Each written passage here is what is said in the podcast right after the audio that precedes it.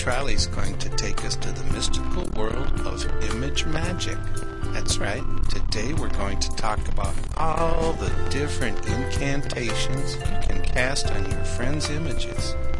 Incantations. That's a big word. Can you say incantations? Sure you can. And now we'll go to the Grand Wizard himself, Klaatu.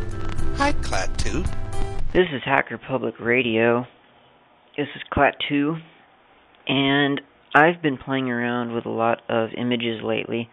Uh, for one reason or another, I, it seems like I'm putting together images for, uh, to send to someone, or I'm designing a logo for something, and I have been using a little program that you may or may not have called ImageMagick. I M A G E M A G I C K. It's easy enough for you to get. You can apt get install ImageMagick, Yum install ImageMagick, get it from your repo, download it from the website. It may even be cross platform. But either way, it's a uh, great little application that is essentially a command line centered image manipulation program. Now, that might seem a little bit strange.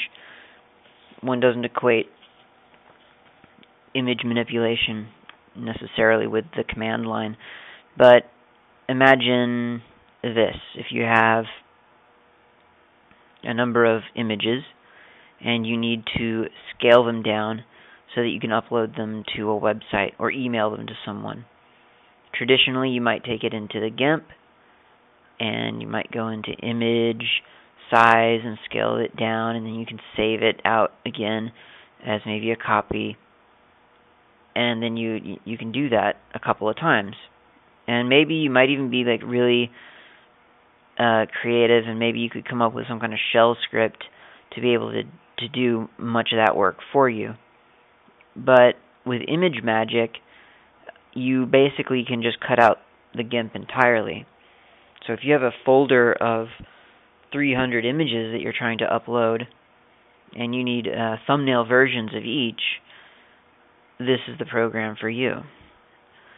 Uh, the other cool thing about ImageMagick is that you can integrate it with scripting languages like Perl or Ruby, uh, Python, C, of course, C++, uh, you know, all those good programming languages. You can use ImageMagick. Uh, you can you can call that from those languages, so that even on the server side, for instance, you could have ImageMagick kind of doing something, you know, if someone in, uploads an image to your site and you need it to be automatically resized uh, for them, or you need to um, change it in some way, maybe you, you're going to turn it black and white for them or something, or maybe you want to give it rounded corners uh, so that it kind of fits the style of your site. You can do all of that kind of stuff with ImageMagick with a simple, you know, PHP uh, script or something like that. So it's um, it's a really powerful little program. It's also a little bit odd uh, because ImageMagick is actually the name of the package rather than the, the program that you're going to invoke from the command line.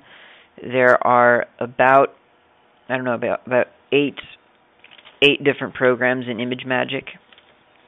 I I think I've used pretty much all of them for one thing or another.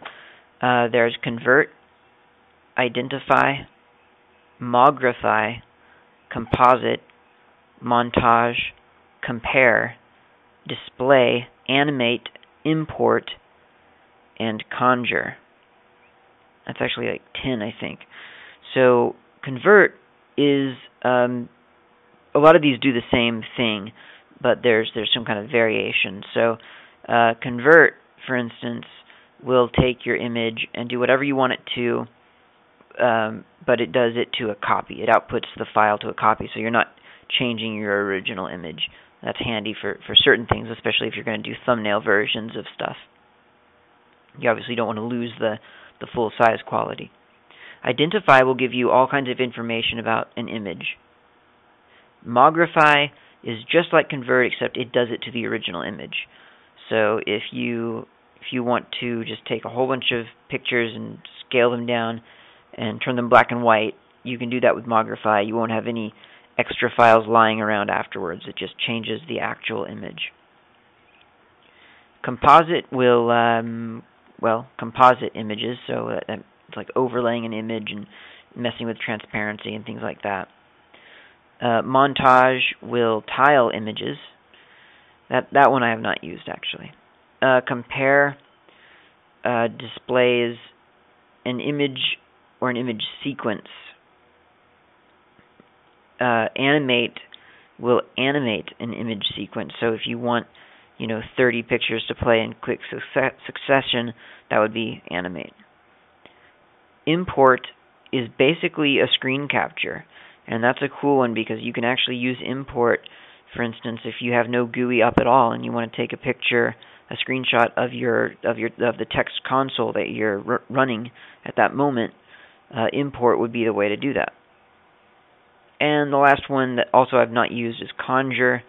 That is the interface for the uh, scripting language that ImageMagick uses, which I believe is called MIFF, M-I-F-F.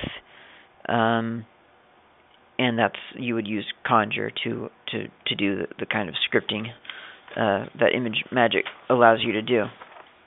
Obviously, you can always do your own. I mean, like I say, it's completely compatible with all kinds of programming languages. So if you've got a Python script that you're writing and you want to do something with ImageMagick, there's no need to, to learn ImageMagick's built-in scripting language. Okay, let's do some interesting ImageMagick tricks. First thing we'll do is take a photo of a text console because how often have you been in a text console and either you're having a problem because you can't get X to start or something like that and you want to record what the problem is or you have, maybe you've done something really cool in programming class and you don't have X up you're just using the text cons uh, a normal console. Um, so what you can do is use the import command. So again import is part of ImageMagick and the way it would work is you'd put import space dash display space colon zero dot zero space dash window space root space screenshot dot png and that will take a snapshot a screenshot of the current display um, the the window that you're looking at the root window uh, and name it screenshot.png. Now, if you wanted to do that without the command being on screen, you know, the, the import command actually being on screen, then what you would have to do is switch over to another virtual terminal. So you if you're in virtual terminal 1, you'd switch over to virtual terminal 2, you'd you'd log in and then you do like a little bit of uh, quick switching, you know, you do like a chvt space 1 which would get you back to virtual terminal 1 semicolon space sleep 3 that'll give you a couple of it'll give the terminal a couple of seconds to read you know to to pop back up. Um, semicolon space import space dash display colon 0 dot 0 dash window root screenshot dot png and that would basically switch you over to the first term virtual terminal.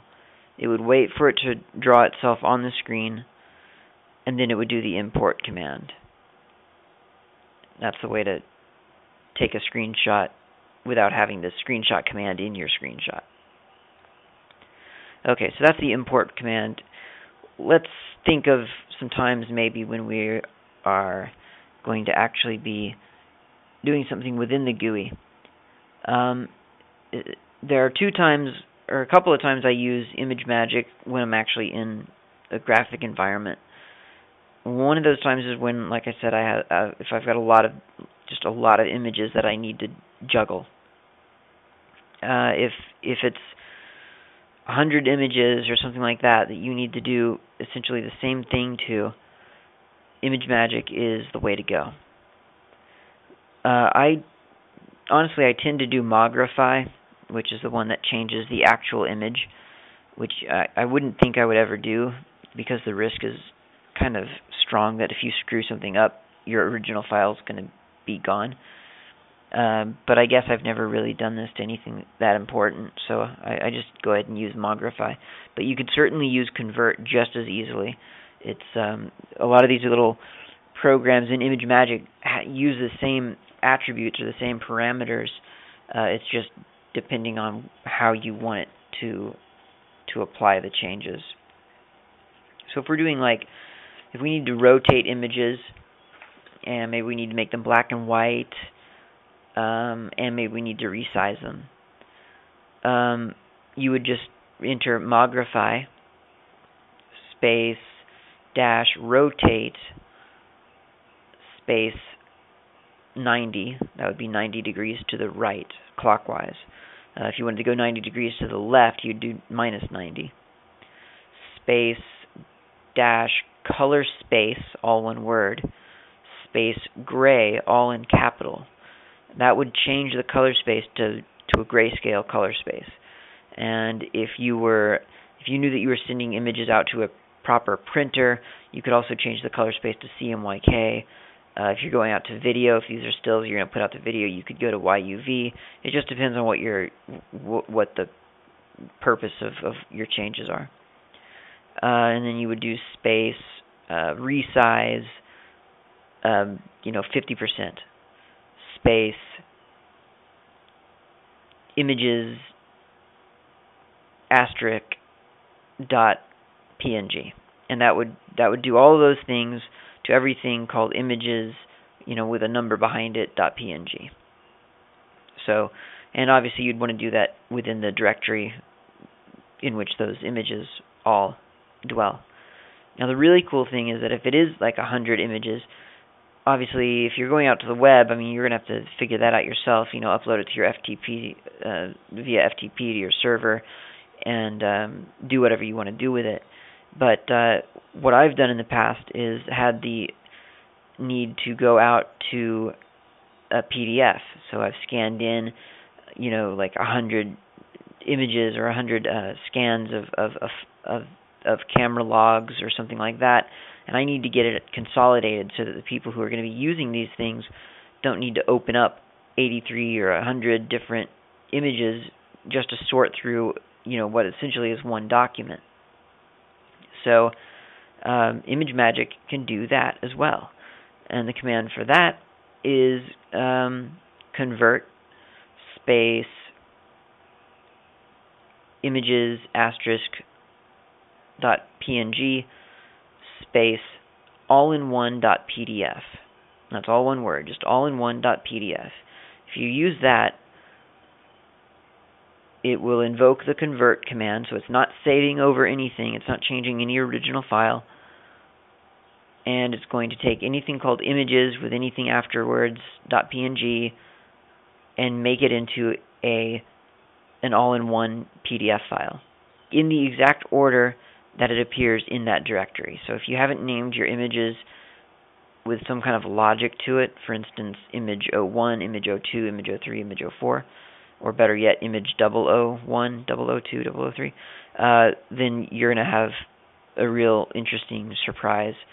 Um, but it's a lot easier to just name them properly in the first place and then just take them all and convert them to a PDF.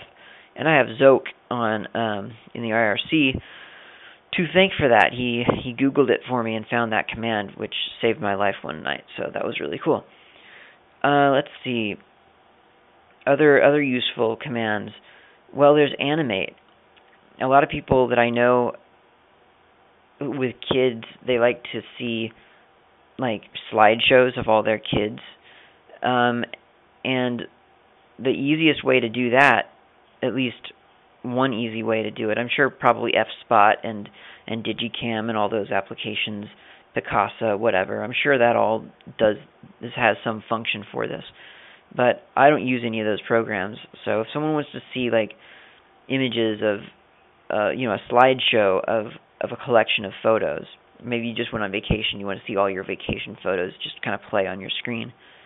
Uh, the animate function is what you're looking for. Animating is easy. It's just basically either if you have an animated GIF that you have separated into you know 29 different images or an animated uh, sequence that you want to see in motion, you can tell it to uh, tell it to do that. But if you just want to see like a slideshow of pictures, all you do is you type in uh, animate and space dash delay space say 500. That would be five seconds on each uh, image, or 700, seven seconds, whatever. Space asterisk dot png, and so now it's going to take every PNG in that folder in that directory and uh, animate it in a little window. Uh, play it one after another in a little window for seven seconds each. So that's pretty easy. Um, image mag- magic is pretty easy, really. I mean, it's just there. There are a whole bunch of different options that you, you know, if you want to do it to an with to an image, then you probably can. You just need to find out what what property that is that can be a little bit, bit overwhelming. They don't have a proper man page as such. If you just type in man convert or man animate or man mogrify or whatever, you see a very brief description of what the of what the, the software the application does, but it doesn't give you all the options. You get a little bit more detail if you just type in, for instance, mogrify space dash help and that's one dash, not two. It's just dash help. That will give you a list on screen, and actually you'd probably want to pipe it into less. Uh, that'll give you an, a list on screen of, of all the different options. But even then, it doesn't give you a whole a whole lot of detail. A better way is to simply go to uh, a, a browser, whether it's uh, Firefox or Lynx or, or Konqueror or whatever. Uh, just go to the go to file colon slash slash slash slash. That's three slashes usr slash share slash doc slash imagemagick slash www slash command dash line dash options dot html. That'll give you all the different options that you could possibly want. Um, that's that's really the way that you kind of have to browse through it because otherwise uh, you don't get really as much detail as you as you need. But it's a very powerful program, and and there's just so much you can do without ever bothering to open up a a graphic application. You can um, you can watermark it, watermark an image. You can add you can generate text. You can add drop shadows. You can flip them, flop them, flatten them, extract information from them, magnify, invert, uh, emboss. You can give them labels like meta metadata, uh, rotate, just whatever you need to do. It's a very very powerful application. If you're doing a lot of graphics, this could really save you a lot of time. And if you are uh, doing art design for for a, a site or something, working with images, you might find it necessary to send PNG uh, spec files to people. A lot of people don't necessarily want or know what to do with a, full-fledged SVG file, and maybe you don't really have a, a, a good-looking SVG version of it yet. Maybe you've, at least the way I work with Inkscape is I'll have like 20 different ideas on one in one file, and so it's not very convenient to send that entire scratch pad to to the person who needs the art. It's better to just make your selection and export just that selected area as a PNG and then you can convert that PNG to the proper size that you want. Uh, you can add a background to it, whatever you want to do to it within ImageMagick. So ImageMagick is a really great little tool. You can use it if you want. Be aware of it anyway you know, because you just never know when you're going to need some quick image manipulation. There's just no reason to fire up an entire graphic app just to resize an image by 50%, you know? So, thanks for listening. This has been Hacker Public Radio. If you need, uh, if you have questions, you can email me, gort.klaatu at gmail.com. If you want to be a part of Hacker Public Radio, then you can go to hackerpublicradio.org, email the administration of that site, and they will contact you uh, with show ideas or or um, information on how to, to do a show if you have an idea for a show. Uh, it's very open, and uh, they're really nice there. So talk to them if you want to do an episode.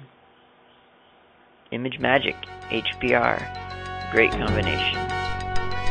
Thank you for listening to Hacker Public Radio. HPR is sponsored by Caro.net, so head on over to caro.net for all your hosting needs.